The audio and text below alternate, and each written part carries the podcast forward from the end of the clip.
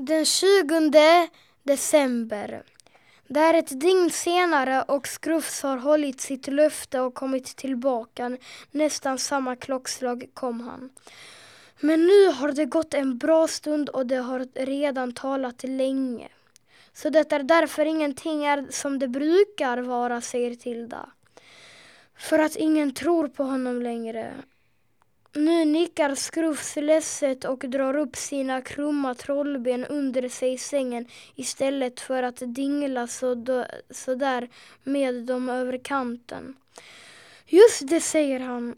Så länge människor trodde var det ju inga problem. Men nu de flesta tror så lite numera. Och då blir det ingen jul, säger Tilda. Och nu ser det lilla trollet så bottenlöst betrövat ut att, han, att hon snabbt tillägger det ordnar sig skrufs. Hon klappar honom tröstande på armen och förvånas över hur sträv den är. Inte alls som Nallis mjuka. Det ordnar sig, säger hon igen.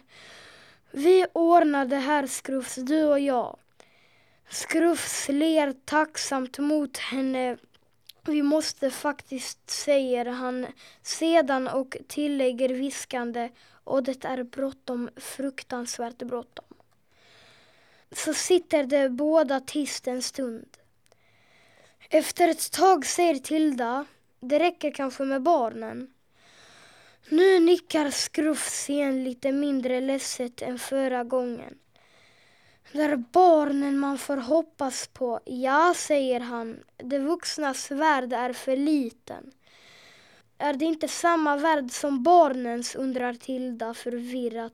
Och nu ser Skrufs lika förvirrad ut när han svarar. Samma? Hur skulle det kunna vara samma? Vuxnas himlar är aldrig gröna.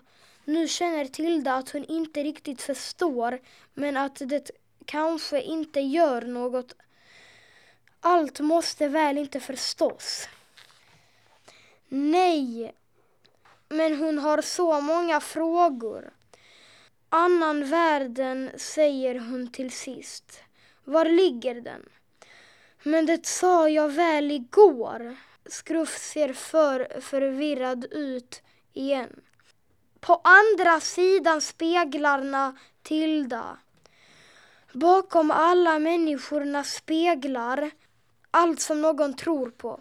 Spöken, änglar, monster, dödens troll. Där bor vi i världen bakom speglarna. Och det blir som era fönster, frågar Tilda som verkligen försöker förstå, verkligen vill förstå. Åtminstone något. Blir och blir, svarar Skrufs och verkar tänka efter. Speglarna är fönster och dörrar om vi vill. Fast egentligen får vi ju inte. Nu, skruva, nu skruvar han nervöst på sig. Det påminner mig om, säger han. Jag ska nog gå. Det är snart morgon och jag måste vara på plats när JT vaknar. Nu dunsar det i golvet i lägenheten ovanför. Tunga steg i Tildas tak. Det är bara grannen, försäkrar Tilda som hör det där ljudet jämt. Det är bara grannen Skrufs. Men Skrufs är redan på väg. Det är inte grannen, säger han stressat. Det är JT. På eftermiddagen uppsöker mamma och Tilda åter den vänlige julgransförsäljaren. Nu är det dags, säger mamma. Men, vad har hänt här? Några får ensamma granar vilar gröna och fina mot träställningarna. Resten är bara skelett. gullbruna, sprätande skelett nästan helt utan barr. Jovar, säger Osby-gubben och rättar till sin öronlappsmössa. Det där kom idag. Hur fina som helst tills folk köpte dem. Och då ville de ju inte ha dem längre. Nej, men säger mamma, så det är inte lönt att jag slösar bort min tid mer här, säger mannen. Jag packar ihop ikväll, åker hem till mitt.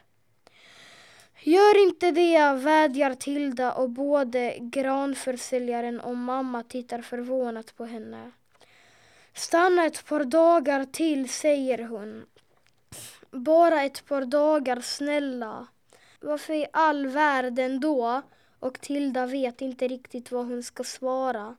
Men till sist svarar hon ändå. Du ska få se, säger hon. Du ska få se. Klar! Hej, jag heter William i Monbition och går i 3B.